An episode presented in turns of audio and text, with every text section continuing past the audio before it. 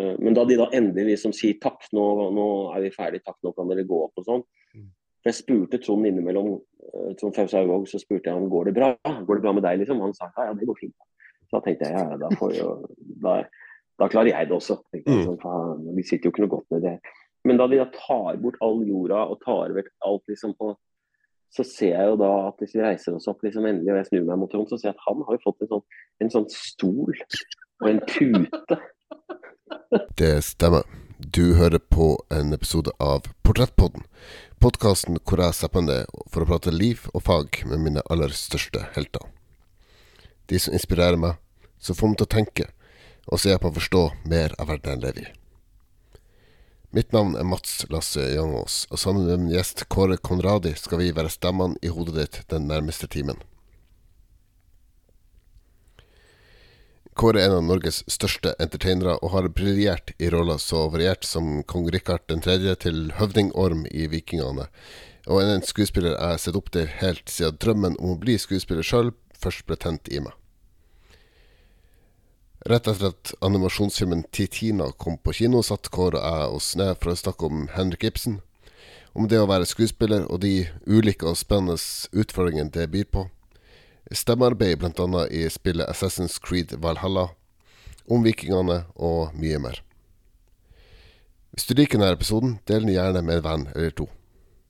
Og husk at du kan støtte det arbeidet som ligger bak alle disse episodene ved å støtte Portrettpodden på Patreon. Hvert lille bidrag gjør en enorm forskjell, og bidrar til at jeg kan åpne døra for enda større gjester og flere større prosjekter. Med det ønsker jeg dere riktig god fornøyelse, og her er Kåre Konradi.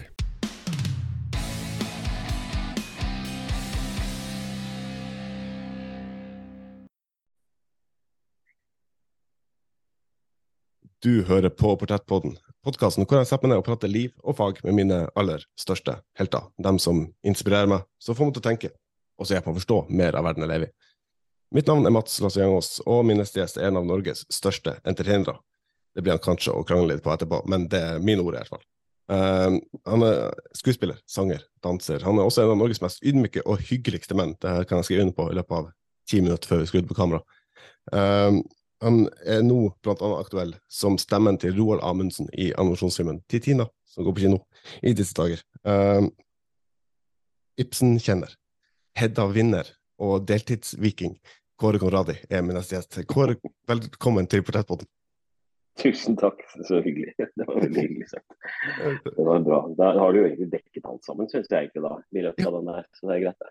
Ja, så vidt. Da, er vi ferdig. Takk for at du hørte på. Ja, ferdig. Takk for i dag. Kjempehyggelig. Vi fikk jo prata litt rett før vi gikk på også, så da er vi, så da, da er vi fornøyd med dagen. Ja. Ja, ikke sant. Ja. Så hyggelig å være her. Det var hyggelig å få lov til å, å bli intervjua av deg. Ja, men Så fint. Veldig hyggelig at du, har andre er med, for det, du er jo en me meget eh, opptatt mann, eh, i positive fortegn, selvfølgelig. Ja, det er, ja, det er jo det er ikke alltid positivt at man for at av og til så er man ikke tilgjengelig. og Jeg har litt sånn telefonvegring av og til, merker jeg. sånn at det er noen av vennene mine som tenker liksom at eh, han tar vel ikke telefonen. Uh, så, det, så det verste jeg vet er sånn når jeg tar telefonen og hører noen av mine andre venner si liksom Nei, men i alle dager. Uh, da tenker jeg uff da. Nå. Den er så kjedelig å få. Men jeg, jeg har liksom vent meg til litt sånn i livet at jeg prøver å alltid ha telefonen på lydløs og veldig ofte med skjermen ned. Men det for å Mm. være Selvfølgelig ikke hvis det er en sånn ting som har med familie og barn å gjøre, sånne ting, men, men, eh, men eh, prøve å være litt til stede der man er akkurat der og da. Og så, og så heller ringe folk opp igjen, eller ja. Så Mm. prøve å finne en sånn balanse på ting. Ja. Det er jo veldig hyggelig å være en opptatt mann. Det er hyggelig å være en som folk har lyst til å jobbe med. Og, og, jeg, men jeg har aldri sluttet å bli overrasket over de tingene der sånn, helt siden jeg begynte karrieren. Så har alltid vært sånn alltid vært utrolig takknemlig for det jeg får lov til å gjøre og får lov til å være med på. Så det, det jeg er litt glad at jeg, jeg har jo den der hele tiden. Jeg blir alltid overrasket og glad. Syns det er hyggelig. Mm. Det, det er jo det, det er jo ikke til, til å stikke under en stol at du har vært eh, må man kunne tørre påstå meget bortskjemt med de kollegaene du har fått lov til å, å jobbe sammen med i løpet av karrieren allerede. Det, det er jeg veldig, veldig klar over også. Det er, noen veldig fine, fine, folk som er på med. Også. For liksom, som du nevnte litt det der med Jeg skal ikke bestride noen ting. Når du sier en av de sånne store entreprenørene, så skal jeg ikke bestride, skal ikke, skal ikke bestride noe som helst. Nei, men, eh, men jeg, jeg, er jo så heldig at jeg får lov til å jobbe med mange forskjellige felt. og det er Innenfor skuespillet alt handler for meg om historiefortelling. Liksom det å mm. fortelle en historie. Om det er via et dikt, eller uh, lese et dikt, eller gjøre en vise à la type Erik Bystoff eller Odd Børresen. Eller, eller om det er uh, eller om det er en storbandlåt eller rent Ibsen og Shakespeare, så er det jo det å fortelle en historie som gjør at folk går ut etterpå og snakker om den historien de ble fortalt. Mm. At de får en opplevelse via det. Og det, det øyeblikket jeg skjønte at det er på en måte meg, alle de forskjellige leddene der, så følte jeg at det begynte å skje mer. Liksom både, både, for meg som person, men også som eh, kunstner eller utøver eller skuespiller, hva man skal kalle det. Så, så tidlig i karrieren så var jeg nok litt sånn forsiktig og fikk litt sånn beskjed om at skal du være skuespiller, så kan du ikke drive med sånn crooning og Sinatra-ting, liksom. Da mm. du må velge. Um, og det tok jeg liksom til meg en gang. da, En som ble veldig sur en gang jeg valgte å ikke gjøre noe dikt og sånn på teaterskolen, men gjorde en uh, heller, heller sang med, med gitarist. Hadde med meg en gitarist som var uh, en av Norges største gitarister på den tiden, uh, som også var liksom min filleonkel. Så jeg var veldig fornøyd med det valget, men da var liksom rektor på teaterskolen han var sånn det, Der hadde jeg kasta bort den timinuttersmuligheten min til å gjøre noe kunstnerisk viktig. Så det satte seg litt. Satte seg litt. Jeg tenkte at men så har jeg lest intervjuer og flere kunstnere selv opp gjennom årene hvor jeg har liksom lest at akkurat det der som jeg har følt, at det der i øyeblikket du omfavner litt sånn den du er på alle måter, og sier at dette, alle disse leddene utgjør meg som person eller meg som utøver, så, så skjer det så mye mer. da. Mm. Så jeg har alltid gjort disse tingene, men jeg gjør det kanskje med en større litt sånn trygghet nå, da. Det er kanskje det. Ja. Eh, kommer da også den, den tryggheten med at du har liksom den, den erfaringa i, i, bagasjen? Du, du, du vet som du har den, den trygghet og den tyngden til, til, å stå bredbent og være enten Sinatra eller Terje Vigen, liksom? Ja, ja da, det er nok noe det der. Og så er det vel også det at jeg har eh, alltid satt tekstene først. Og de gangene jeg føler at jeg står på scenen og er litt sånn dårlig, eller at jeg ikke får det til, eller at det, det er noe som skurrer sånn veldig, så er det ofte fordi at jeg begynner å tenke at nå må jeg huske at jeg skal synge pent. Eller nå må jeg huske å synge det liksom sånn Jeg har aldri forsøkt når jeg gjør storbandting å høres ut som Sinatra, for jeg har jo britisk i familien og har liksom litt britisk gang på det også, men det blir jo alltid at du mange sanger man har hørt før, så det er det å gå inn i det å fortelle historien. Og alltid det som alltid det som dukker opp hver gang jeg på scenen gjør et eller annet som jeg tenker at nå, nå er det et eller annet som ikke funker helt her, så er det mm. ofte det at jeg glemmer at jeg skal fortelle historien. Jeg blir mer opptatt av meg selv, at folk skal like det jeg gjør, at folk skal like meg, eller at jeg må huske å synge pent eller riktig. Eller. Det, er da, det er alltid da det svikter. Mm. Så jeg bare henter det inn igjen til, enten hvis du står på scenen sammen med en skuespiller, andre motspillere, så henter det inn igjen til å til å se på den skuespilleren og ha en dialog, rett og slett. Mm. Og, og husk at du har en historie å fortelle, at ikke det handler om uh, deg at noe skal være riktig. Ja. Men at du skal bare fortelle historien. Mm. Mm. Jeg har litt, litt på, på, samme måten, altså uten sammenligning for øvrig, selvfølgelig. Men uh, det, altså, i, i, begynnelsen, når man prøver å nå, nå ut til dem man ser, ser, veldig opp til og setter på en slags sånn, sånn pidestall, hvis man da tenker på at nå skal jeg levere, nå skal være kjempeflink uh, og morsom og tenker veldig nyskapende og sånt, så blir, det, blir, man veldig satt fast i de tankene om hvordan man skal være, istedenfor å bare formidle og bare ja. ha den, ja. det, det, det, samspillet mellom den andre personen. da. Ja, ja. Og det er jo veldig bra at du har erkjent det liksom, allerede. Det er, en, det, er jo, det er, jo, ikke noe tvil om at det er det, det, er det viktige. Ja. Og det er da det blir originalt også, på en eller annen måte. Det var sånn, Jeg husker jeg lenge hadde en sånn drøm om å få spille i London. Mm. Å spille teater i London og spille ting. Uh, da, jeg holdt liksom så mye med den drømmen i hodet om det å få lov til å spille på en teaterscene i London. Uh, men det var ikke før jeg selv på en måte nesten la det fra meg og tenkte at det får bli hvis det blir, ellers så får jeg bare Og da begynte å fokusere på hva er det jeg kan, hva er det jeg jobber med. Så begynte det å oppstå ting som som jeg selv sto inne for, både innenfor ting med Shakespeare, men spesielt Ibsen, sånn som gjorde plutselig at plutselig så automatisk så står jeg på en scene i London. Ja. Uh, før jeg egentlig hadde tenkt over at det, å ja. Fordi at det da handlet det mer om hva er det jeg kan komme med, enn at på en måte du står der med lua i hånden og har lyst til liksom ønsker så veldig gjerne å få lov til å, å komme inn. Mm.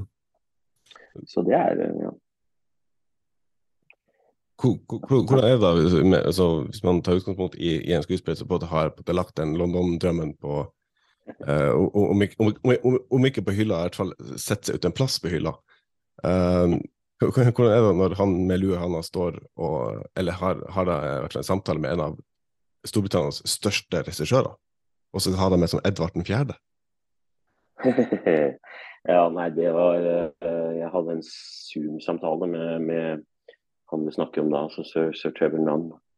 Uh, på, og det var, uh, Jeg måtte liksom filme meg selv på mobil etterpå og snakke liksom inn bare for å lage liksom den stemningen som var da.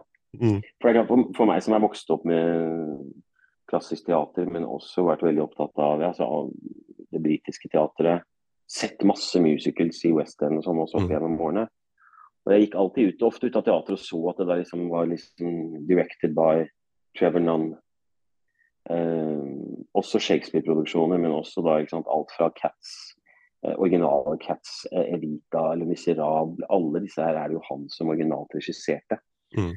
Så det er klart at den dagen jeg hadde en Zoom-samtale med han og skulle spille en stor Shakespeare-rolle i en av hans produksjoner, så visste jeg jo ikke helt hvilket ben jeg skulle stå på. Det var jo altså og Jeg fikk jo ikke bilde til å begynne med sant, på den Zoom-samtalen. Første samtalen vår var liksom bare meg og han, og jeg så han. Men han så jo ikke meg, for jeg klarte jo ikke å få til. Altså. Plutselig så fikk jeg det likevel, så var han bare sånn Hello, there you are. Um, men uh, første møte med han på prøvedagen, første prøvedag så var jeg så nervøs i London. Skulle inn og gjøre altså, en ni timer Shakespeare-forestilling. Mm. Um, og jeg skulle inn, og Da skulle jeg bare ta foto til plakaten, så det første fotoet var liksom plakatfoto. Okay. Og da sto jeg der. Jeg var så, jeg var så nervøs som jeg aldri har vært før. Jeg skulle gå inn i et lite prøvelokale i London tenkte at nå er liksom alle de tingene jeg har drømt om sånn teatermessig i London, er liksom nå. Nå går jeg inn døra her. og Shakespeare, og har jeg, har jeg det hele tatt liksom, Hvor er jeg? Så sto jeg der og ble tatt foto og fått på noe kostyme og var litt sånn gjørska bare. Og så plutselig, så, mens jeg ble tatt foto av, så merker jeg noen prikker meg på armen liksom innunder disse lampene. Mm. Og innunder meg bak kamera, og så hører jeg bare sånn Hello, hello, I'm just so sorry, I just wanted to say hello. I'm just so happy you're here. Uh, og så var det da så Trevor Nunn som liksom gikk mellom ledninger bare for å komme innom og si at han var så glad for at jeg var der. Og plutselig så skjønte jeg at han er jo liksom Alt det der klisjeen. da. Han er jo helt vanlig menneske som syns det er hyggelig at jeg var der, og nå skal vi spille teater og håper det blir altså. uh, Så det var Nei, det var Det var stort, det. Det er klart. Det finnes jo ikke noe større i norsk teater, nei, i utenlandsk og spesielt britisk teater enn en, en Trevor Nunn. Så han har jo heldigvis fått til å være første for Vi har masse kontakt i ettertid, så han har fått til å bli den første sånn patron da, eller ambassadør for det kompaniet, for Ibsen-kompaniet.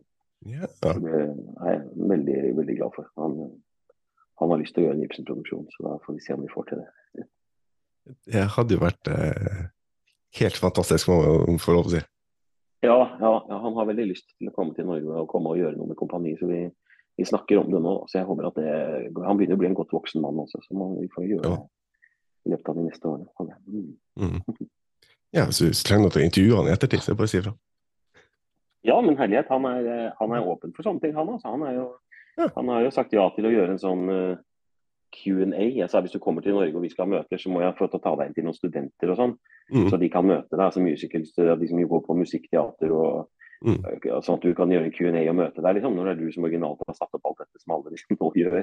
Mm. Eh, og det sa han bare ja, ja, når jeg kommer til Norge, så sett meg opp, så går vi inn og så går vi og snakker med studenter og så prater vi. Og så. så veldig så det skal jeg ikke forundre meg. Jeg skal si til han at det sitter en hyggelig fyr i Tromsø. Så. ja, så kult. Jeg hadde satt uh, veldig pris på i så fall. Vi får se hva vi får til. Ja, ja. Uh, så hvis, uh, hvis Mats Jangos og Kåre Konradi ikke får det til, da, da, går, da er det ikke mulig å få til. Du hører på Portrettpodden med Mats Lasse Jangås.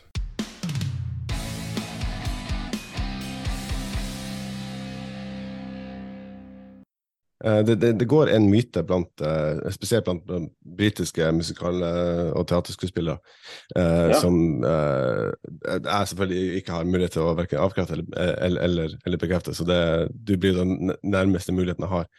Det okay. sies at uh, Sir Trevor når han går inn i en produksjon, uh, ja. så nekter han å verken dusje eller skifte klær før premieren. Det tror jeg er helt feil. OK. Oh, heldigvis. Det tror jeg er helt feil. Nei, ja. nei men, men jeg tror at uh, han har en svær garderobe hvor alle klærne er helt like. OK. Fordi jeg har aldri opplevd at han verken ser ufresh ut eller ser ufresh ut i klærne. Men han har liksom de samme klærne alltid. Det er alltid en dongeribukse og den der lyseblå litt sånn dongeriaktige skjorta. Og den har han hatt i alle år. Uh, men den ser like fresh ut hver gang jeg møter han. Og han har alltid liksom håret litt sånn fluffa. Så han Nei, jeg har aldri opplevd det. Selv på det mest intense så er han erkebritisk og veldig Så jeg kan ikke si at det har jeg merket. Ja, okay. jeg jeg merka ikke noe til det. Nei, okay. Men apropos, teater, altså, men apropos teaterfaget, så er han jo virkelig en sånn fyr som man elsker å sitte bare høre på i timevis og sitte og prate. Mm. Altså, legger ut alt om Shakespeare, all kunnskap og alt han har gjort. Han ledet jo World Shakespeare Company, han var jo sjef der i over 20 år. Overtok etter Peter Hall, som var der. Så det mm. uh, Så startet jo eh, TV altså Han skapte jo TV-historie med sin regi av Nicholas Nickleby, den store TV-serien. Hvor, ja. hvor, hvor, hovedrollen for første gang pratet rett inn i kamera. Sånn som mm. man nå gjør i ettertid på alt som har vært av House of Cards og alle, alle ting. At hovedrollen prata fortellende inn i, i kamera. Det var jo helt sånn nyskapende. Mm. Um, så ja, nei han slet en hel natt, var oppe en hel natt, for han var så livredd. Han måtte skulle fortelle oss at han måtte stryke stykket. For var, et av stykkene var liksom over tre timer, og han måtte få det ned. Og da hadde han strøket syv replikker. I, og han hadde vært oppe hele natten og grudde seg til å si til oss liksom, beklager at jeg må gjøre dette, det er ikke vondt ment på de det gjelder, det er ikke noe vondt, jeg har ikke tatt det bort fordi dere er dårlige. Og så plutselig så så sier han til slutt at det er syv replikker. Men uh, han hadde ikke noe humor på det. Han mente at man skal jo ikke stryke i Shakespeare. Nei, nei. ja, ja. ja han, eh, nei, det, nei, men du vet altså det derre Å få lov til å jobbe med noen man har sett opp til hele livet, det, det er bare veldig stort. Ja. Jeg var veldig glad. Han ringte noen år etter den Shakespeare-produksjonen og spurte om jeg ville være med i en annen produksjon. Og da var jeg nesten enda mer glad. Ja. For det var liksom mye tilfeldighet. Jeg kjente det teateret jeg spilte Shakespeare-forestilling på. Jeg kjente litt til dem, og vi hadde vært involvert på noe annet hvor jeg skulle være med som ikke ble noe av. og sånn. Så jeg synes det var fantastisk å få gjøre den produksjonen. Men da han ringte liksom noen år etterpå og spurte om jeg ville være med i noe annet, så ble jeg litt enda gladere. For jeg skjønte at det hadde liksom vært en veldig kjent periode. da. Mm. Så det, det, var, det, var, veldig gøy. Det fikk jeg dessverre ikke vært med på, for da hadde jeg noe annet. Mm. Igjen tilbake til det å faktisk være, være litt opptatt, og det, det er en positiv ting. Ja da, ja da, det er kjempefint. Det er galt. Ja. Men, eh, ja, det, er, det, er, noe merkelig med det der. Eh, ja. Jeg har to sånne teateridoler i England som jeg hadde liksom så Det ene var da så Trevor Nunn, og det andre var som en som het Tommy Steele, eller heter Tommy Steele. Han er jo godt over 80 og var sånn musicalartist. Altså Gene Kelly, mm. den britiske Gene Kelly. da. Gjorde masse ting. Han var liksom popfyr, men gjorde da masse av disse steppet og gjorde masse sånne svære filmer og Eh, og musicals på, på, i Mm. Så da jeg gikk på barneskolen, så hadde jeg skrevet i en sånn skoledagbok at dette at Tommy Steele var liksom en film, en film med han som jeg liksom virkelig likte og så litt opp til han. Og, sånn. og da jeg satt og hadde prøve på denne Shakespeare-produksjonen, og visste at nå skal jeg gå opp i annen etasje opp og prøve med Trevor Nunn igjen i dag, og satt nede i en litt sånn sliten kantine der jeg var, så kommer det en eldre mann med noen bæreposer inn og setter noe te i hylla si og sånn inn i dette prøvelokalet, kantinen. Mm. Og så spør han meg på engelsk da, liksom, hva gjør du her, liksom? Og så sier jeg bare jeg er oppe og jobber med Trevor Nunn på en sånn britisk på en, på en, en Shakespeare-produksjon. Og så ser han på meg så sier han 'you lucky bastard'. um, for han hadde liksom Og så ser jeg på den mannen, og så er det Tommy Steele. Okay. Som da var mitt andre idol. Ja. Som da hadde prøve på en annen musiker liksom i samme rom. Han hadde alltid hatt lyst til å gjøre litt mer Shakespeare og litt sånne ting. Så plutselig sto jeg der med den ene helten oppe i andre etasje som jeg skulle få jobbe med, og Tommy Steele mm. som står og kaller meg en lucky bastard fordi jeg får jobbe med. Så jeg tenkte dette er jo helt Hva skjer nå? Så da sa jeg, jeg må bare si det med en gang, jeg, du er nok mye av grunnen til at jeg ble skuespiller. Mm. Jeg så deg danse på en film, så jeg rundt en pipe og steppet og sånn, og, da, og så avbrøt han meg og så sa han And you thought I can do it better. Og så sa jeg nei, nei, nei. Sånn, jo, jo, men du skal det. Du skal alltid tenke sånn. Så det er bra. Så, så, så gikk han videre med sine ting. det, det er liksom, Man må jo sånn krype seg og tenke det, har, har jeg faktisk gjort det her nå? Ja, ja. Og så er det rart hvilke helter man har. Ikke? For de jeg snakker om nå, sitter noen sikkert og hører på som kanskje ikke har hørt om noen av dem. Eh, men det spiller jo ingen rolle. Liksom, det er folk man ser opp til. Som, mm. Mm. Yes, altså, når jeg var, var, med min far på jobb som barn, da, han jobba som journalist, mm. så var det jo sånn, det var mange folk jeg så opp til, men det var, det var kanskje ikke alle han intervjua som jeg visste hvem var. Nei, nei, nei, nei, det er klart. Men jeg husker jeg, så, jeg så liksom, opp til, til uh, to.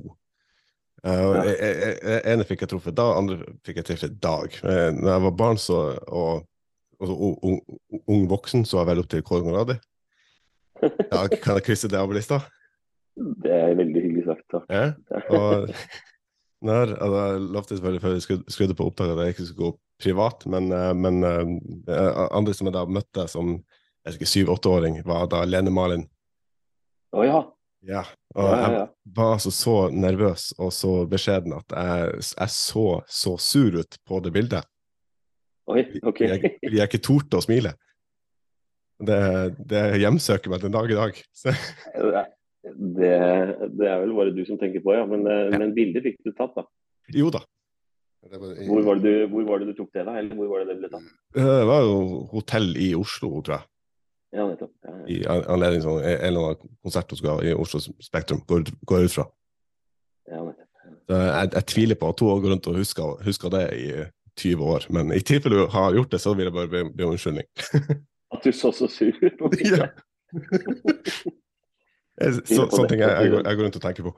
Ja, ja, ja nei, det, det, det, det tror jeg på. Ja. Nei, nei, det, Hun er en meget uh, snill, uh, god person. Så det tror jeg ikke hun blir tenkt på. ok. Godt å vite. Uh, uh, ja, ikke sant. Vi, vi har jo ja. tendens til, til, å tilgi eller glemme veldig fort. Så det, det, det, går sikkert fint. Men OK. Uh, noen som har litt, litt lavere skuldre, så må man Så må, må, må man kanskje eh, plukke opp noe du, du eh, nevnte, altså at, uh, Sir er da sånn patron for uh, det norske Ibsen-kompani. Uh, og da, ja. Det starter jo uh, blant annet du fordi altså Ibsen er jo da den, den mest spilte dramatiker kun, et, kun, etter Shakespeare. Mens mm. Storbritannia mm. har Royal Shakespeare Company og, og mange andre tilbud, så har, har ikke Norge noe som støtter seg helt og holdent for sin, sin store sånn. Uh, men, men det, det, tok du tak i? Ja, jeg gjorde det. for da, jeg, jeg var veldig forsiktig. Jeg startet, Tanken var i 2011. Jeg jobbet med noe som het British Shakespeare Company. Og Jeg sa ja på flekken da de spurte om jeg ville spille med dem, for de kom til Norge for å spille på gjestespill. Og så ville de ha med en norsk skuespiller eh, som de mente at kunne være på plakaten, så det kanskje kom noen ekstra nordmenn og sånn også på også. Mm. Men, men vedkommende måtte jo da snakke britisk eh, i tillegg. Ja. Uh, og Så ble jeg spurt, og jeg kasta meg på med en gang. For jeg tenkte British Shakespeare Company, liksom, det er jo helt fantastisk. Og så begynte jeg å jobbe med dem, og så skjønte jeg at de jo, var jo veldig dyktige, men de var jo også bare en sånn en, De var jo en omreisende teatergruppe rett og slett, som spilte mye utendørs og veldig flinke. Men det var jo ikke et sånt kjempekjent selskap. Ja. Men da tenkte jeg tilbake på sånn The Globe Theatre, som tar vare på Shakespeare. altså Royal Shakespeare Company spesielt. altså Eh, at vi ikke har hatt liksom, den type selskap der, sånn, spesielt når man drar til utlandet også. At folk er så mm. utrolig opptatt av Ibsen. Han er jo det mest spilte i verden, som du sa, etter Shakespeare. Og Dukkehjem er det mest spilte stykket i verden akkurat nå. Um, så da var det litt rart, syns jeg, at ikke vi hadde et eget selskap med profesjonelle skuespillere som kunne da dedikere seg helt til Ibsen uh, hele tiden. Og Så begynte jeg det litt forsiktig, og jeg var veldig spent, for jeg tenkte at eh, her må jeg trå forsiktig. For det er sikkert mange som vil mene at hvorfor skal du gjøre det, liksom. Eh, men jeg tenkte at så lenge jeg har med meg alltid folk som er bedre enn meg, mm. Eh, som kan mer om Ibsen, og som i hvert fall har samme entusiasme og samme interesse, og som har spilt mye, og så tenker jeg at så lenge jeg har det, så, og det handler om Ibsen og ikke meg sjøl, så uh, og så viser det seg egentlig bare at alle jeg snakket med, ville gjerne være med. Veldig mye skuespillere som har lyst til å spille med Ibsen. Mange regissører som har lyst til å sette opp ting de ikke har fått satt opp før. Um, og i utlandet er folk veldig opptatt av uh, hvordan Ibsen spilles på norsk.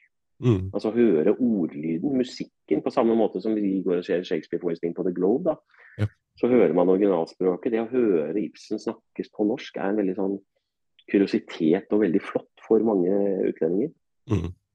Eh, så kunne man si at da kunne vi lurt oss unna, liksom, men da må jeg jo ha med bra skuespillere som gjør at vi, vi gjør det bra. Og jeg har hatt med spesielt da gode regissører hittil som, som jeg er kjempeglad for og fornøyd med, som da har gjort uh, strålende jobber. Så det har jo blitt veldig fint i gang. med å premiere i London med Mm. Og nå spilte vi Per Gynt i Fjæreheia i, i Grimstad i sommer og lurte litt på hvordan det skulle gå med 1000 seter i Stenbrudd, som er utenfor det er sånn utendørs eh, i Stenbrudd i Fjæreheia i Grimstad. Og Kim Sørensen, skuespilleren, som jeg da hadde med på regi, og det ble kjempe, kjempefint. Og Helge Jordal som Dovregubben og Mm.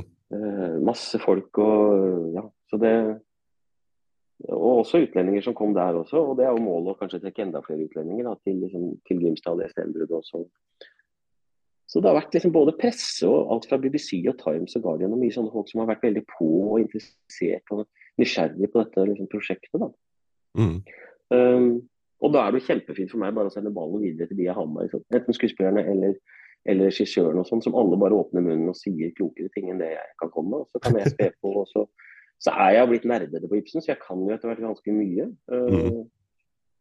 Men jeg lurer jo alltid på, på når noen skal avsløre meg på alt det som jeg ikke kan. Liksom. Men, men, uh, men jeg kan veldig mye, og jeg er veldig dedikert til at dette handler om Ibsen. og da ja.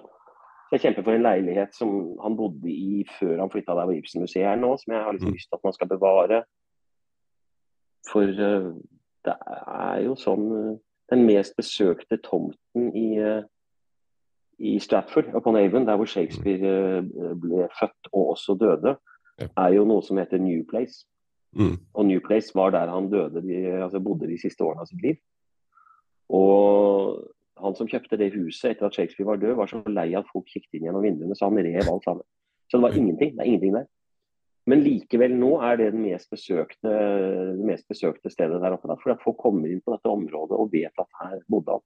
Mm. Og da syns jeg at det er rart at vi fremdeles har bygninger, rom, stuer som er der Ibsen bodde og skrev noen av sine største verker, som man vurderer å selge. Ja. Eh, Det blir for meg litt eh, historieløst og, og ikke helt gjennomtenkt. Ja. Når man snur på hver lille sten som kanskje Shakespeare har sittet på eller gått forbi. Mm. Og hvis man sitter med enkelte historiske steder hvor Ibsen bodde, så, så derfor syns jeg det er riktig å kjempe litt sånne saker. Og Ibsen er jo også tatt ut av læreplanen. Nå er det jo frivillig. Mange vil jo si at de underviser jo likevel i han. Men det handler jo også om øh, Jeg syns det ligger en oppgave i det å kunne få lov til å inspirere lærere. Inspirere elever, studenter. øh, skole, altså barneskoler også. Så øh, få lov til å inspirere folk til å bli mer nysgjerrig på Ibsen, som gjør at han blir bevart innenfor, innenfor pensum. Mm.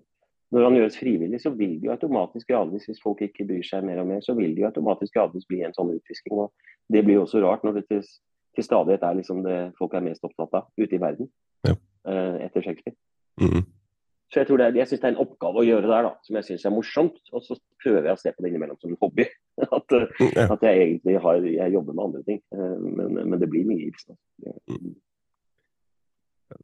Det er at, at du prøver å, å omgi deg med, med folk som eh, i i, i dine ord er, er bedre enn en, en, en deg. Mm. Går det Mm. da slags sånn overført betydning, går det da tilbake til det møtet med Tommy Steele, at du, du skal på en måte se opp til meg, du skal prøve å være bedre enn meg? Og, Ja, ja, det er vel litt det der at eh, jeg, jeg tror nok at kanskje da jeg begynte karrieren at jeg eh, Sånn er man jo ofte. altså Du har dårlige dager og du har gode dager, liksom. Mm. Eh, jeg har aldri vært sånn at jeg har sett at på andre kollegaer som stor konkurranse. For at jeg, jeg syns vi alle er på linje. Jeg kan se opp til folk. Mm. Men jeg har aldri forholdt meg til det som sånn konkurrenter på en eller annen måte. Jeg bare syns folk er gode.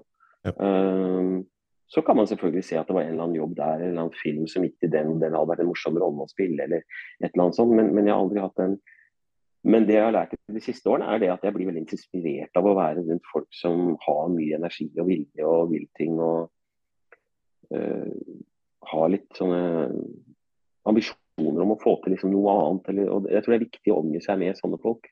mm. Uh, også når jeg selv er så entusiastisk, så er det viktig å få med seg liksom andre entusiastiske Og så er det det å lære av fine folk.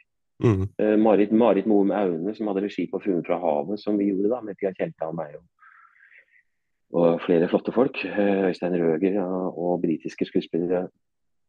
Hun er jo en fryd, en regissør Mm. som har gjort masse fine ting. Kjempebra.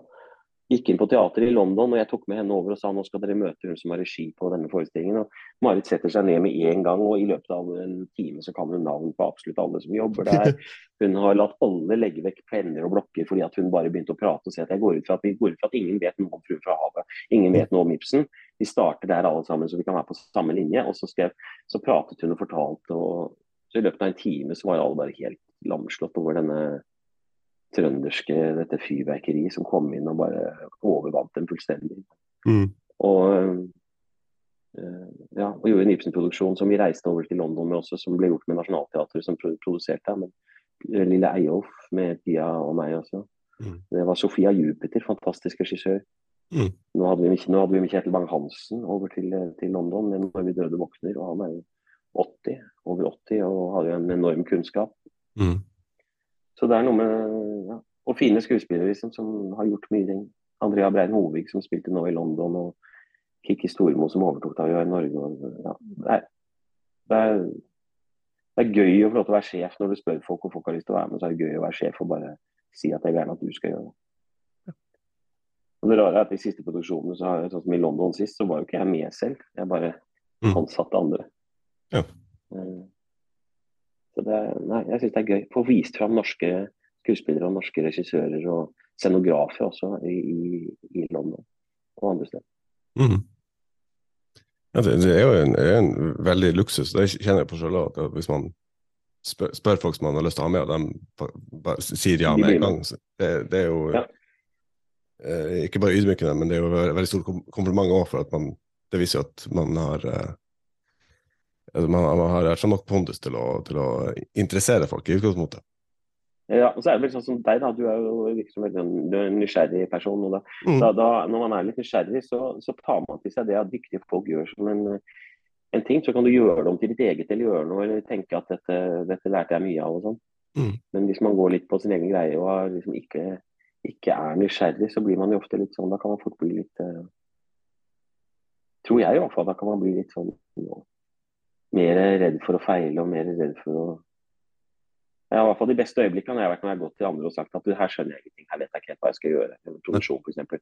Jeg vet ikke hva jeg skal gjøre med den rollen, jeg skjønner ikke helt hvordan, hvordan skal vi knekke koden her. Så går det ofte bare en halvtime at man prater sammen, eller ikke det engang. og så har du noe, Istedenfor å gå rundt og slå deg selv i huet med noe hardt og bare si at jeg er så dårlig, jeg er så dårlig folk, ikke sant? Hele den Mm. der. For det handler jo bare om å løse et eller annet. eh, Finne en liten løsning på det.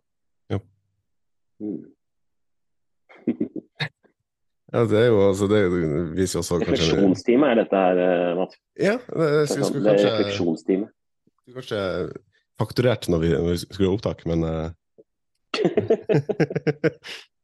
altså, Det kan fort bli dyrt i lengden.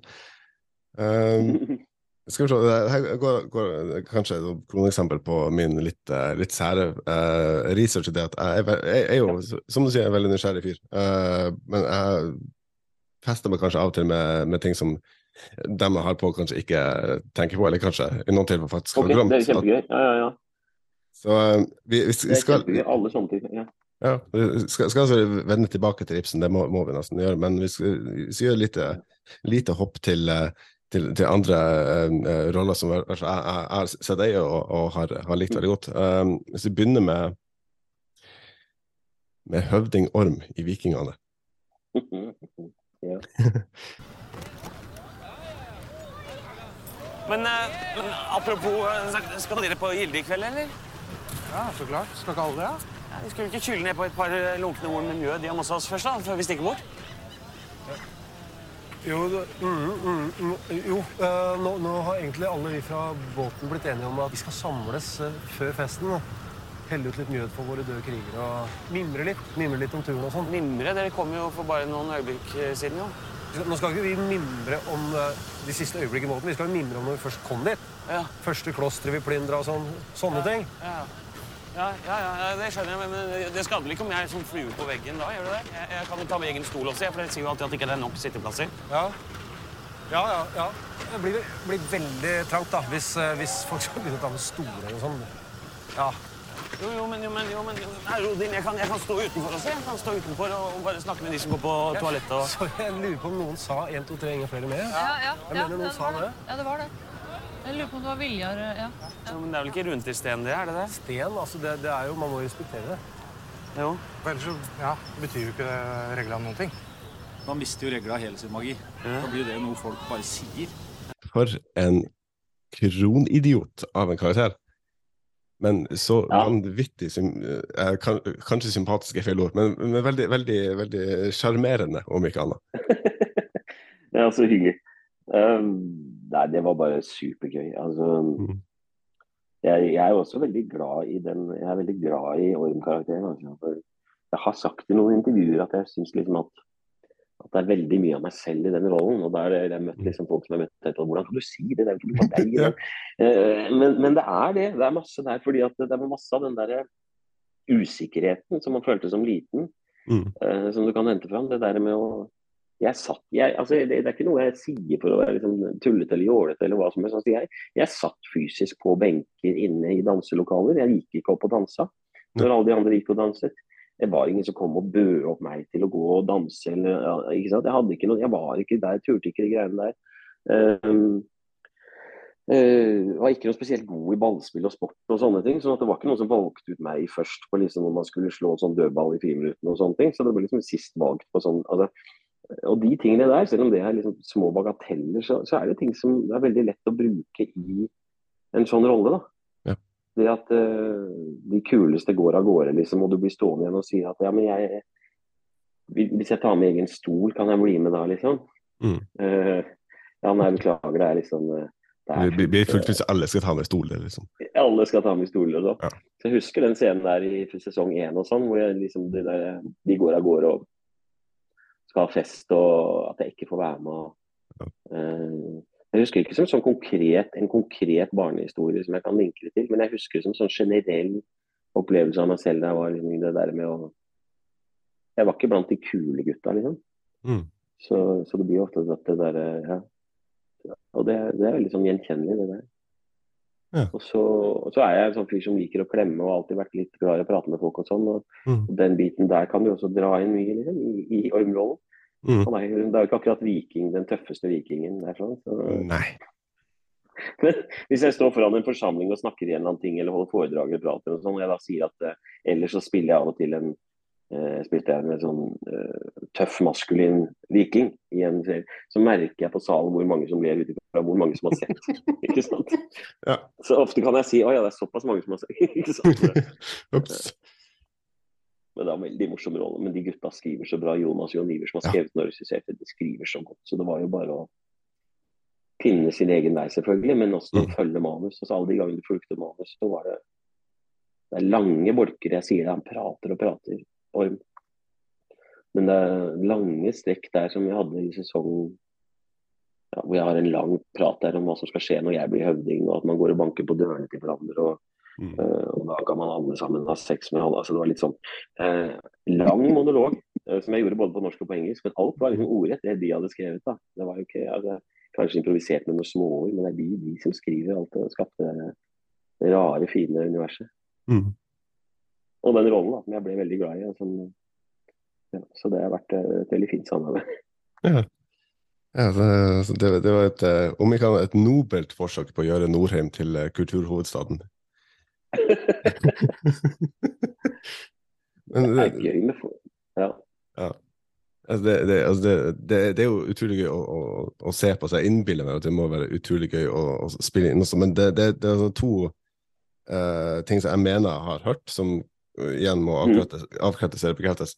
Um, det ene er at uh, det sies visstnok at um, altså din britiske aksent var altfor britisk, og du var, du var for flink til å prate engelsk, rett og slett. Ja. Ja det er jeg den. Drikker både kaffe og sitter og holder det på. Eh. Um, nei, det stemmer det. fordi at det, uh, Ja. Nei, vi, har jo veldig britiske familier. for at Vi har jeg liksom vokst opp med britiske fetter og kusiner, og alle familiesamlinger så snakket vi alltid britisk og engelsk om hverandre. og sånn.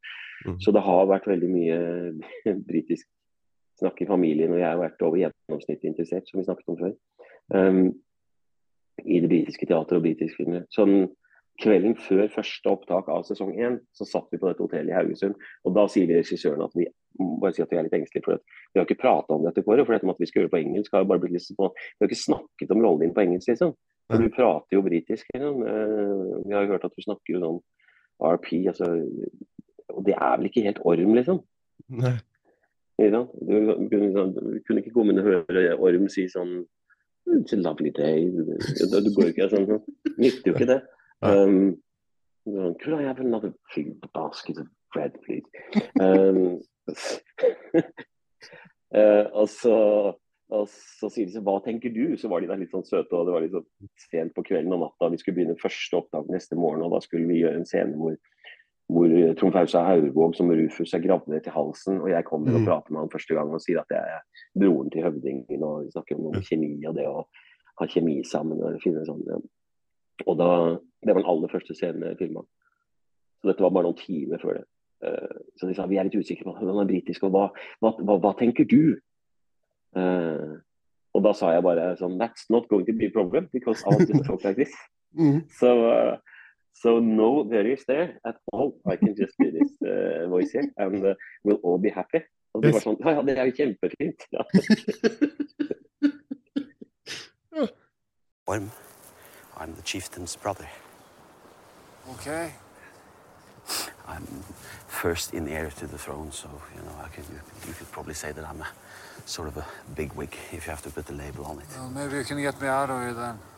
Yes, that, that's not entirely impossible, but um, um, rumor has it that you have some some sort of amazing uh, gift bordering on on magic, and I, I'm very very curious. Some trick and the pantomime? Yes, yes, people said it was uh, it was a magical performance. Those are just simple tricks to please children. I'm actually an actor. A fabulous actor, by the way. Actor? What uh, what is what is actor?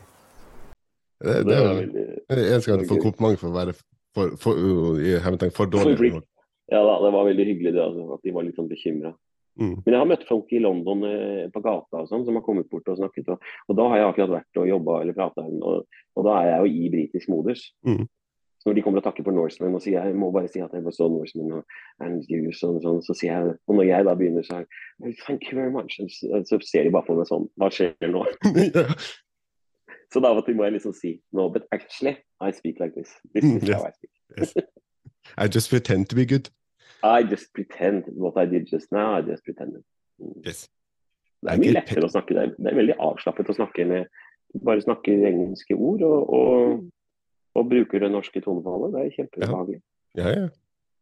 Prøv det på, prøv det på, på tysk òg. Det, det funka, det. Ja, altså, hadde jeg gjort det på tysk, så måtte jeg vel Det er Altså, veldig bra. jeg hadde gjerne betalt for å se Korokrad i, i, et eller annet tysk. Det hadde vært eh, strålende. ja. Uff a meg. Ja, det, lærte, meg tysk på et halvt år. eller noe. Ja, ja, Sånn noenlunde flytende. Så, eh, ja. det, det var jo uh, altså ingenting uh, tekst, eller bare, bare dubbing. Så man, altså, enten lærer du tysk, eller så gjør du ikke. Nei, nei, nei, det er riktig. Jeg hadde det som valgfag på, valgfag på skolen. Eh, eller ekstra, ekstra språk var det på, språklinjen. Men jeg har vel aldri, aldri brukt det eh, sånn i noen sammenheng. Det hadde vært gøy, det, mellom tysk Ja, ja. Det, er, det er jo med hva hva man har behov for, for, å, for å lære seg. ja, ja. det. Oldemor var jo tysk, så egentlig så er vel jeg da Hva blir jeg jo da? Blir jeg Ja. 12,5 tysk, eller det det? Mm. Mm. Ja, ja. Ja. ja. Det hadde vært noe. Ja. Ja, ja, ja. Jobbe litt med det. Sikte meg mot. Bare, bare si, si, si fra hvis du trenger, hvis du trenger noen å prate med. Ja, kjempefint. Da kan vi, eh, kan vi snakke litt i bråken sammen. ja, ja, Det er kjempefint. Du hører på Portrettpodden med Mats Lasse-Jangås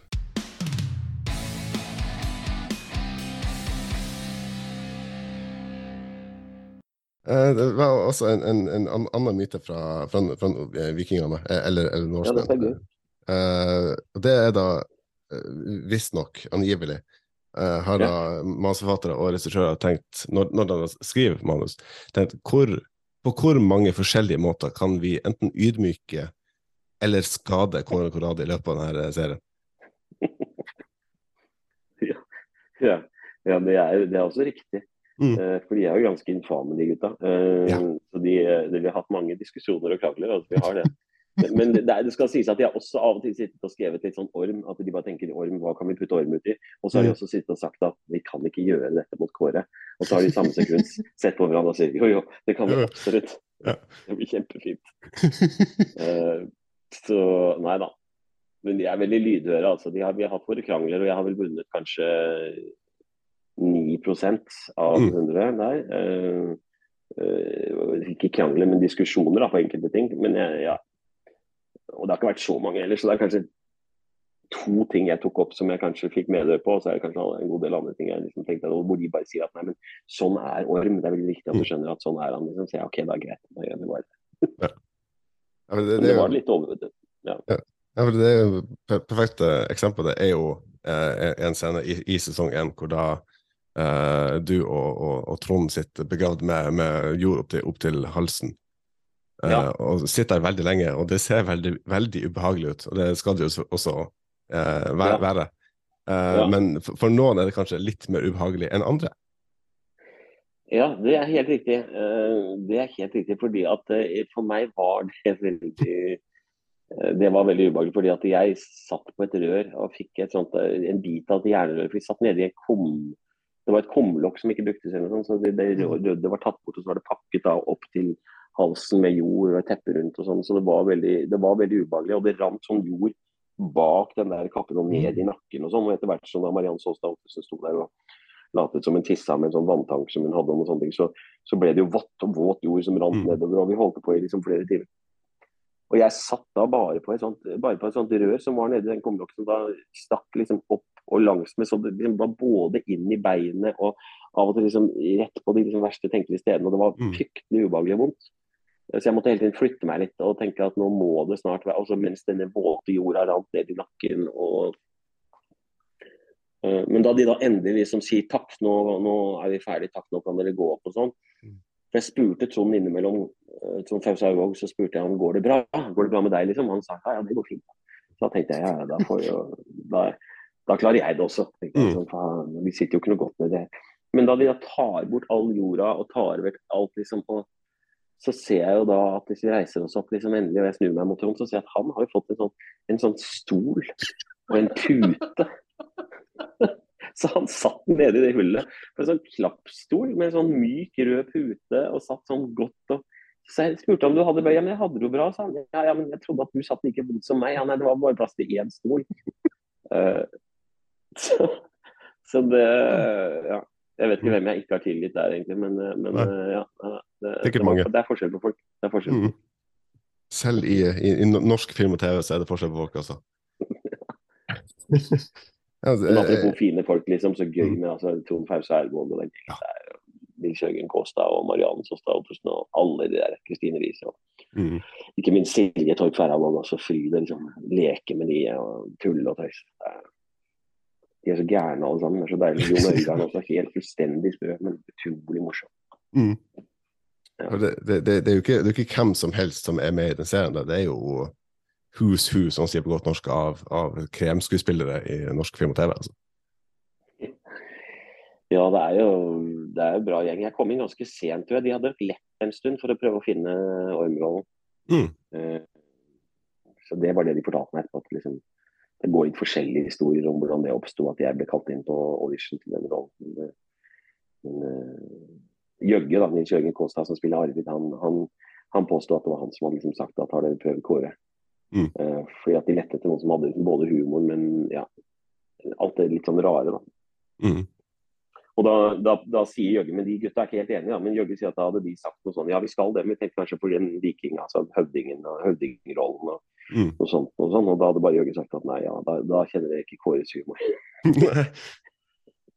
Eh, men de mener at nei da, jeg hadde, de hadde sett deg før i, i andre ting, og sånn, concurling og sånn, så det, jeg- det er litt, jeg vet ikke. Jeg var bare kjempeglad for at jeg fikk rollen. En av de få rollene jeg har tenkt at nå må jeg bare ringe og plage dem inntil jeg får rollen. Og ringe og si at jeg vil bare ha den. Jeg har aldri sagt dette før, jeg har aldri bedt om noe, men den rollen må jeg ha. Men jeg slapp heldigvis det, da.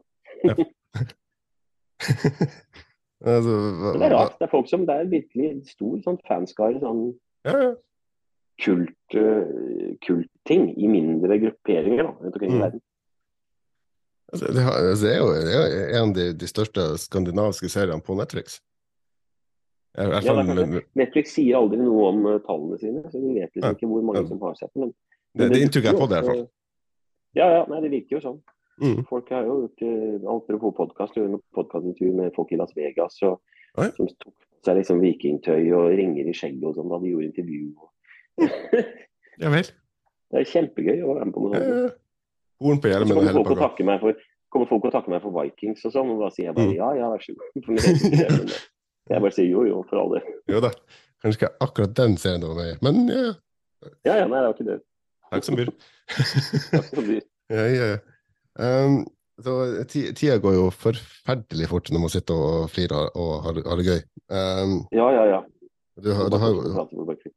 Ja, ok, fint. Du du har jo for så vidt eh, litt tettere tidsskjema enn jeg har, så jeg kunne prata Ja, det, nå har jo jeg bilde på deg akkurat nå, så da, nå er den klokka på veggen bak deg, den, går den riktig? Den går riktig, ja. Ikke sant? Yes. For nå er den da i mine øyne rett før ett. Ja, det stemmer. Nettopp. Da vet jeg at jeg har liksom i hvert fall et kvarter igjen som vi kan prate, da. I så fall hvis det hadde vært ja. Ja, ok. Ja. Jeg, skal, jeg skal prøve å runde av så smått, men uh, hvis vi eh, beveger oss litt, litt tilbake til starta, via, via vikinger igjen. fordi en liten, liten anekdote. Når jeg da bodde i, i Tyskland, Mm. så hadde da han som da ville vært min, min svoger om jeg hadde gifta meg, uh, var Mm. veldig glad i videospill, og nettopp kjøpt seg en Mm. ny PlayStation 5. Um, og han, han ba meg hjem uh, til han fordi han skulle spille den nye Assassin's Creed Valhalla. Uh, og da skulle han selvfølgelig ha eh, meg, altså vikingen, på besøk for å drive faktasjekking og, og sjekke eh, Ok, ok, norsk okay, uttale ja, ja. og den slags. Um, han fikk seg jo da et lite sjokk, fordi når han starta spillet der han hadde avslutta sist gang, så kom jo da kong Styrbjørn inn. My son, Eivor, by Odin's blessing, come and let me look at you Stop. both. That is far enough. Blood of Tyr, what happened there? A grievous wound you have. Are you well? Far better than I look, I assure you. This, this calls for a toast. Your journey must have been long and cold. A drink to warm your blood. Eh, og det første jeg bare roper, er 'Kåre!' Så jeg, jeg kjente jo igjen stemmen din med en gang, men det, det gjorde jo ikke dem nødvendigvis. Så de trodde Nei, jeg hadde fått et, et illebefinnende eller slag eller no, no- noe sånt. Men, uh, Ja, ja, ja, ja, morsomt. ja, så, men det, det, det gikk fint, altså. Men eh, det, det, ble en del, eh, det ble en del forklaring etterpå. Uh, Ja, men ja, ja. hvor- hvor- hvordan får du da uh, nevnte rolle som kong Styrbjørn i et av eh, verdens største videospillserier? Nei, det, var- det var det var rett og slett en Jeg har jo en engelsk agent, sånn at de kontaktet for å få tak i Først så var det audition for, eh, for denne eh, Eivor, altså hovedkarakteren. Mm. Eh, prøve altså stemme der. Så da, da møtte jeg produsentene via Zoom, og jeg gikk rundt på Nationaltheatret i en prøvesal der og gikk rundt og skrek og holdt på å styre og litt sånne ting. Um, og så var det en veldig fin samtale. Så Det var en ren vanlig audition hvor de ville liksom møte og prate. Og jeg hadde sendt inn først en tape, det hadde jeg gjort, Mm. uh, med meg hvor jeg snakket, uh, og så ville de møtes. Og så gikk de ekstra runder, og så landet de på en måte disse mannlige og kvinnelige hovedrollene. sånn, Men så kom de tilbake igjen plutselig. da Jeg trodde at ikke jeg kom til å høre noe mer fra dem. Så kom de tilbake og, og kom med et ønske om to forskjellige roller da i, eh, i Assassin's Creed Valhalla, som de ville at jeg skulle gjøre. originalt da. Og det er jo kjempegøy. altså skal jeg, si, Jeg har ikke spilt, jeg har ikke gamet mye i mitt liv. eh, så, men jeg eh, kjenner mange som gjør det, og jeg har liksom eh, prøvd å vet på en måte hvilket stort univers det er. Så, så jeg, nei, jeg var kjempestolt av det. Stå og skrike og holde på. Jeg elsker jo å jobbe i studio med stemmen og jeg elsker å jobbe på den måten. Så. Men det var også en sånn greie, ikke prøve å tenke på at dette er sånn verdenssvært, men bare gå i studio og ha det gøy og skrike og si hvor farlig kan jeg være. og hvor, eh, ja, så Men det var jo pandemitid også, så, så, Mm. så faktisk deler av replikkene der sånn, gjorde jeg faktisk på liksom, i hjemmestudio også. Og så sto liksom med link til Canada og skrek der. Men så annethvert i studio, da. Mm. Men det var veldig gøy den gangen jeg kunne fortelle at jeg var med liksom Assassin's Creed. eh. Men det er jo noen andre fine skuespillere som er med der. Jeppe, Bauk, Jeppe Beck-Lausen blant annet har en svær rolle der. Så ja, det er morsomt. Morsomt, uh, morsomt univers å få lov til å være med på. Altså. Ja. Og så har jeg sett at noen har kommentert at liksom, er det Orm som spiller? Altså, det blir en sånn kontrast for dem. Det hadde blitt en helt annen historie hvis faktisk Orm var med der. Ja, ja, ja. ja.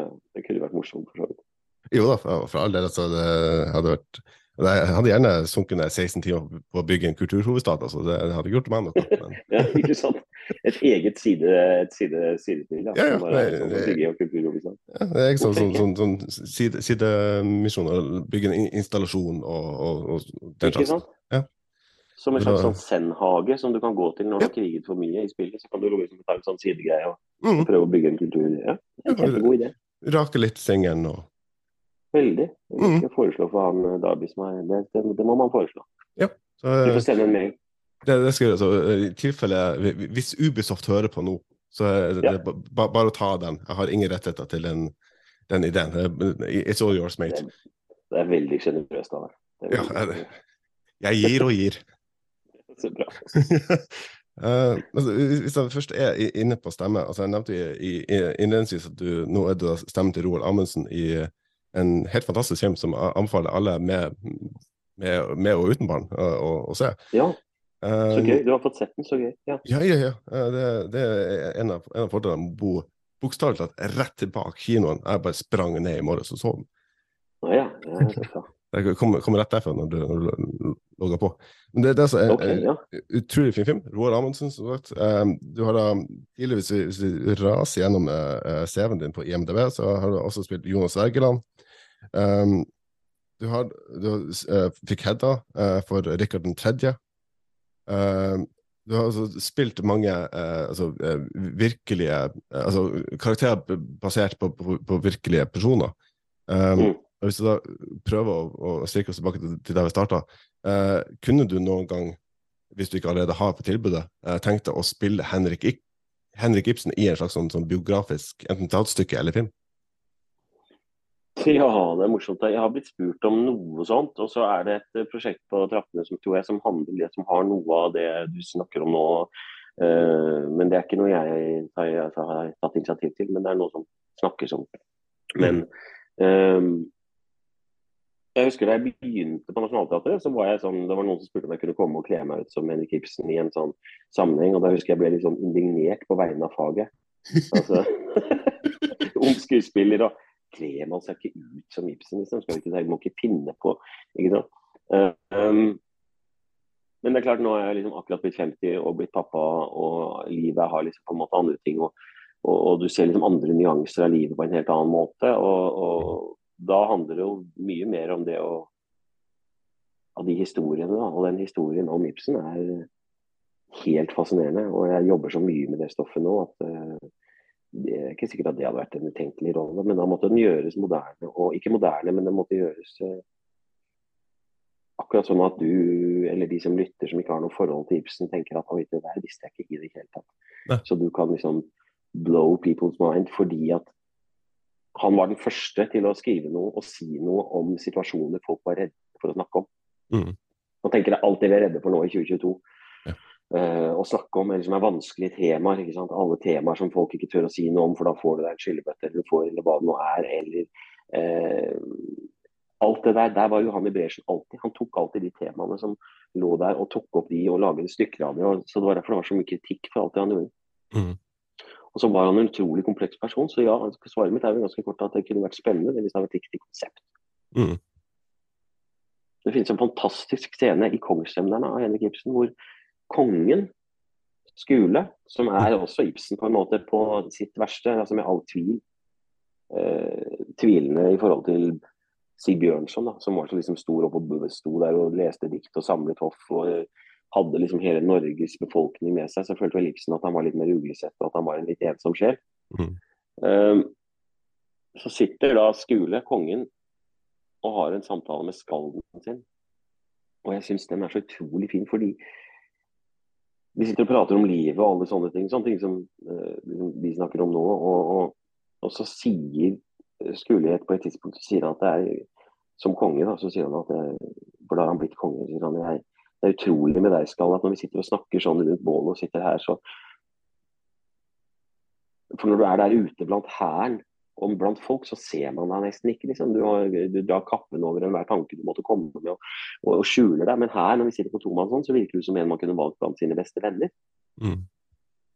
Og hva kommer det? Og så sier Skalden noe som er så fint. Altså, at Han sier at det er veldig enkelt at når du, herre konge, når du går for å bade, så kler du ikke av deg der det er masse folk til stede. Du kler ikke av deg der hvor, hvor liksom kirkealmen går forbi, men, men, du finner deg et litt sånn skjulested og, og, og, og kler av deg der. Så sier han ja, det stemmer jo. Og så sier han ja, og jeg har sjelens sjenanse. Og jeg klarer ikke kle av meg den når det er mange folk til stede, men kun sammen med få. Og det er det er en av grunnene til at jeg syns det er så flott å jobbe med Ibsen. For det er ukjente stykker til det som folk ikke kjenner, men det finnes sånne kjerner av sannhet som, som jeg syns er så fint. Og de bitene der Ibsen syns jeg er fascinerende å fortelle. Mm. Det er elementer av hvem han var som person. Altså. Langt svar på ditt spørsmål at ja, kanskje en eller annen gang. Men vi får se. Hvis noen lager noe bra, så må de bare spørre. Ja, altså, hvis en, hvis man kan få, få Kåre Conradi til å resitere Ibsen, så er det vel verdt et langt svar, altså. du sa vi må tilbake til Ibsen, og da tenkte jeg nei, stakkars de som hører på, de har jo allerede, vi har allerede snakket masse om Ibsen. Det er nok nå, folkens. Ja, ja, det var gøy at du kom, du kommer med litt Assassin's Creed og litt uh, Viking. Ja. Ja, ja, ja. Appellerer til, til alle folk, folk, folkemengder. Og så tilbake til det egentlig alle til om. ja, ja, ja, ikke sant. Ja, ja, nei, nei, ja. Mm. Nei, men apropos det, jeg skal jo ha storbandkonsert nå i november med, med, fullt, med masse Sinatra-stoff og Ratback-stoff mm. og sånn også. Så det er gøy å få lov til å gjøre så mye forskjellig. Altså. Det, er bare, det er moro. Ja, altså fra, fra Ibsen til, til, storband. Du har jo til og med også vært eh, en av fedrene i Mamma Mia nå, nå nylig. Ja, ja, det var gøy. Ja, det, det vil jeg tro. Det, det er jo eh, det, altså det, Bare det å være frue på veggen altså med Coloradi Thomas Numme og Inger Helge Gimle på scenen samtidig, det, det, det må jo bare være sakssuksess. Og det, det, var det jo. Ja, det var veldig snilt sagt. Det var, det var en fyr. De delte jo garderobe så vidt jeg. Så det var liksom mm. Ingar og Thomas og jeg, så vi satt jo alltid og og tulla og snakket lenge etterpå. og alt mulig sånn, og, og en sånn fin kjemi. fine liksom, gikk jo alltid bak scenen hele tiden. Når vi ikke var inne, så gikk vi og prata og tulla og øvde mm. på replikken. og det var en fin, fin trio, altså, fin periode å sitte og dele garderobe og være på scenen. Fin gjeng. Ja, det, Men det er ikke lett å synge ABBA. altså. ABBA er ikke lett. Jeg har aldri sunget ABBA før. Det er ikke enkelt å synge det. Nei. Yes, det er bare spørre naboen min om det. Jeg har prøvd ofte. Å oh, ja, OK. Ja, ja, så det, det er derfor han skal flytte? Ja. Naboen, ja. Det, det no, nok av eh, altså helhjerta forsøk på ABBA, men det er en Altså, det, altså det, jeg kan synge, det er ikke det, men det, av og til ender vel det, altså Hvis man ser Spekter, så blir det vel mer retning Pierce Brosnan enn Kåre Conradi? Uh, ja, OK, ja. jeg skjønner. Ja. ja, det er hyggelig sagt. Han er uh, ja. ja. ja. Det var, var de samme som jobbet på, på filmen også, som gjorde som, uh, flere av de som var på filmen, som jobbet med forestillingen i, i mm. Oslo. Da. Så det, de prata mye om Pierce Brosnan. Ja de fortalte en historie om at, uh, at Daniel Craig hadde vært og filmet på settet like i nærheten av der de filmet Mamma Mia. Så han mm. hadde kommet på settet den dagen Pierce Brosnan sto der i den der glitterdrakten. Mm -hmm. uh, og da liksom, så to James Bond som møtes, og han andre står der litt eldre og i en sånn glitterdrakt. Liksom, og da hadde Pierce Brosnan og på fakta hadde Pierce Brosnan sagt til han liksom Satt på Daniel Craig så han sagt This is your future. ja. Og kort tid etter så trakk Daniel Craig seg som, uh, som, James Bond. Som, som, James Bond. Ja. Av redsel for å ikle seg glitterdrakt like etterpå. Mm. ja. Det er bare, å glede seg til, til remaken av Mamma Mia med, med Daniel Craig i hodet. Uh, you, you heard it here first.